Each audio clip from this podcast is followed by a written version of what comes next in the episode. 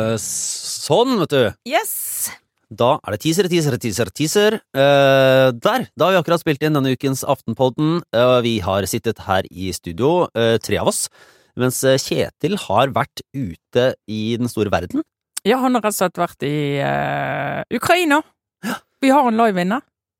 Fra, Hva han driver med der nede. ja, I en kort, liten rapport. Og så har vi jo gått inn i altså, egentlig det beste fra valgkampen så langt. Ja, Mens noen er ute i den store verden og holder på med de virkelig store tingene, så har vi dykket ned i den norske lokalvalgkampen. Eh, og der er det jo mye rart å finne. Eh, og vi har diskutert om vi på en måte har valgkampfeber eller ikke. Og vi kan si vi er på stigende kurve, men vi er ikke helt oppe i liksom 41 ennå.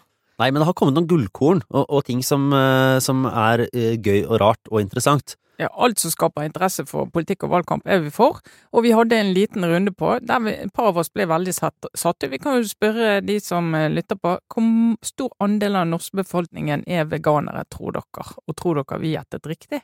Det kan du lure på. Og så forteller jeg litt om hvordan jeg har gjennomgått et, eh, en stor endring i livet mitt. Blitt et annet menneske i løpet av siste uka. Eh, Må forholde meg til noen nye realiteter. Og Trine tar et knallhardt oppgjør med slett journalistikk. For en pakke! Det er hardt. Veldig hardt. Ja, Vi er harde. Sånn er det. Eh, Løp og lytt til Aftenposten. Den er ute hos Podme og i Aftenposten-appen nå. Ha det bra.